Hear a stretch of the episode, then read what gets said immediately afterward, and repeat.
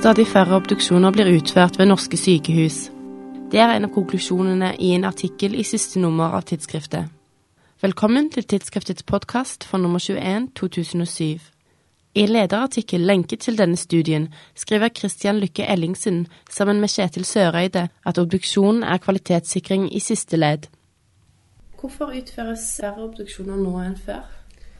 Det har gjennom de siste i hvert fall 30 årene vært et fall i hele den vestlige verden i antall obduksjoner som utføres. Og jeg tror det er flere årsaker til det. Det ene er jo den medisinske utviklingen. At vi har fått stadig bedre og flere diagnostiske hjelpemidler. Både billeddannende og annen laboratoriemessige undersøkelser. Og vi har fått stadig større tiltro til disse. Og det gjør nok at en del klinikere oppfatter obduksjonen som en foreldet og unødvendig undersøkelse. Vi må også se på utvikling i patologi som fag og hos patologene.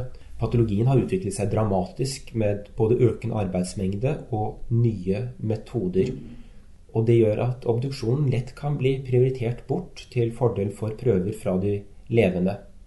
Og nedprioritering fra patologens side med lange svartider, og at vi ikke alltid kan gi svar på klinikers problemstilling, kan igjen gjøre at kliniker mister interessen for å be om obduksjoner. Etter innføringen av de nye forskriftene i 2004 så avtar antallet obduksjoner fortsatt. Da sier i lederartikkelen at denne tendensen er urovekkende. Hvorfor det? Obduksjon har mange funksjoner. Først og fremst så er det kvalitetssikring av diagnostikk og behandling. For å besvare spørsmålet ved ett enkelt dødsfall isolert sett, er det selvsagt bare nødvendig med denne enkelte obduksjonen. Men dersom obduksjon skal brukes i systematisk kvalitetssikring av behandling og dødsårsak, må det gjøres i et visst antall for at resultatene skal være representative. Og Det er da viktig at det ikke bare skal gjøres obduksjon i tilfeller der kliniker vet han er usikker, men også i en del tilfeller han tror han er sikker. Hvorfor er det fortsatt viktig at obduksjoner blir utført? Jeg liker å si at vi obduserer for tre forskjellige grupper. Vi ser for de pårørende. For mange så er det en belastning det å ikke vite hva en slektning døde av. Noen ganger kan vi ved obduksjon påvise tilfeller som kan ha direkte betydning for de pårørende, f.eks. en sykdom med en arvelig komponent, eller hvis vi påviser en smittsom sykdom, f.eks. tuberkulose, som ikke har vært kjent på forhånd. Vi obduserer også av hensyn til helsevesenet. Obduksjon det er kvalitetssikring i siste linje. Din tilbakemelding på om den diagnostikk og behandling som ble utført, om den var god nok. Og det oppdages fremdeles nytt og ukjente ting ved obduksjon, enten fordi pasienten har dødd før han er ferdig utredet, eller fordi sykdommen har tatt en uventet vending, eller fordi det har vært momenter kliniker ikke har vært oppmerksom på. Jeg liker også å si at vi obduserer av hensyn til samfunnet som helhet. Obduksjon hvis det gjøres i et visst antall, vil være en korreks til dødsårsaksstatistikken. Og det bruker vi jo igjen for å overvåke helseutviklingen i landet, og for å sammenligne oss med andre land, og for, for å kunne allokere ressurser på en skikkelig måte. Hva kan gjøres for å endre denne synkende tendensen?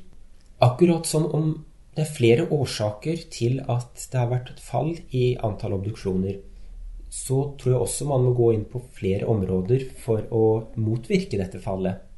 Det ene er i forhold til allmennheten med å gi bedre informasjon om nytten av obduksjon, og også når det har vært gjort obduksjon på en av deres nærmeste, at de får formidlet resultatet på en god måte.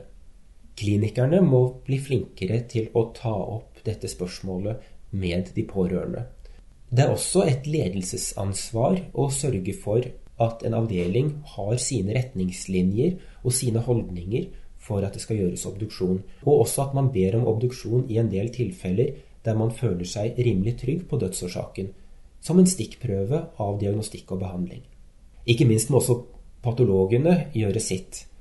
Patologene må bli flinke til å besvare obduksjoner rimelig få, og bruke de undersøkelsesmetodene, enten det gjelder spesialisert disseksjonsteknikk eller supplerende undersøkelser, for å gi et mest mulig fullstendig bilde og besvare klinikernes spørsmålsstilling. Du syns altså det er for få obduksjoner. Hvor mange eh, syns du bør obduseres? Det er et vanskelig spørsmål å gi et helt konkret svar på. Da, for noen år siden så var det en uttalelse fra Helsetilsynet hvor de foreslår at ved vanlige sykehus bør 25% obduseres, og ved det som da var regionsykehus eller universitetsklinikker, burde 50 obduseres. Og i en fellesuttalelse for noen år siden fra den britiske patologforeningen sammen med bl.a. den britiske kirurgforeningen, så ble det sagt at i tillegg til der hvor man var usikker på diagnosen, burde man ha en generell obduksjonsrate på minimum 10% Altså de hvor man egentlig ikke var usikker. Rett og slett som en kvalitetskontroll. I deres artikkel så Einar Svendsen og kolleger bl.a. på hvordan en ny obduksjonsforskrift fra 2004 har påvirket antall obduksjoner. Jeg spurte han hva denne forskriften innebærer den gamle obduksjonslovgivningen som vi arbeidet etter, eller som gjaldt før 2004, behøvde man ikke å spørre pårørende om tillatelse til obduksjon. Det var derimot opplyst i en sånn folder som sykehuset hadde, at hvis man døde på sykehuset, så kunne det bli aktuelt med obduksjon. Og man kunne også nekte at obduksjon ble utført. Men så kom denne lovgivningen, eller den forskrifta i 2004 hvor det ble slik at de kliniske legene måtte spørre pårørende om å få lov å utføre obduksjon. Og de eh, skulle samtidig også informere pårørende om deres rett til å nekte dette utført. Og man skulle også ha, eller skal også ha tillatelse til å bruke organene i undervisning av medisinske studenter. Da skjedde det ting det ble en økning av antall eh, nektelser.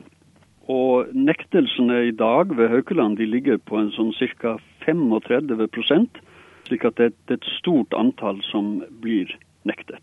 Og veldig ofte så eh, vil de si at de vil tenke på det. De sier ikke alltid at, at eh, de er mot obduksjon, men de vil avvente, tenke litt på det. Og Så går de hjem, og da er det veldig vanskelig å kontakte dem etterpå. Og Da har man i prinsippet ikke fått noen tillatelse, og da kan man heller ikke utføre obduksjon. Dere fant òg at 20 eh, av pårørende ikke ble informert om eventuell obduksjon. Ja, hvorfor det, og hvorfor er det viktig? I en undersøkelse vi har gjort, så, så fant vi dette at um, i ca. 20 eh, så, så har ikke pårørende vært kontaktet. Det er ikke noen lett oppgave å gå til pårørende i en sorgreaksjon, når de er i en sorgreaksjon, og, og begynne å snakke om obduksjon. Det er kanskje ikke det de er mest opptatt av, eh, de pårørende. Og um, jeg har bare tenkt litt sånn igjennom det etter at vi laget dette arbeidet, og oppdaget at det var så mange som ikke ble spurt. Og, og bare spurt meg selv om, om man ikke burde ha noen som var spesielt trenet for dette til å snakke med de pårørende. Behøvde ikke nødvendigvis å, å være en lege, kanskje kunne være en erfaren eh, sykepleier som var satt godt inn i dette med eh, obduksjon, og som kunne snakke med de pårørende.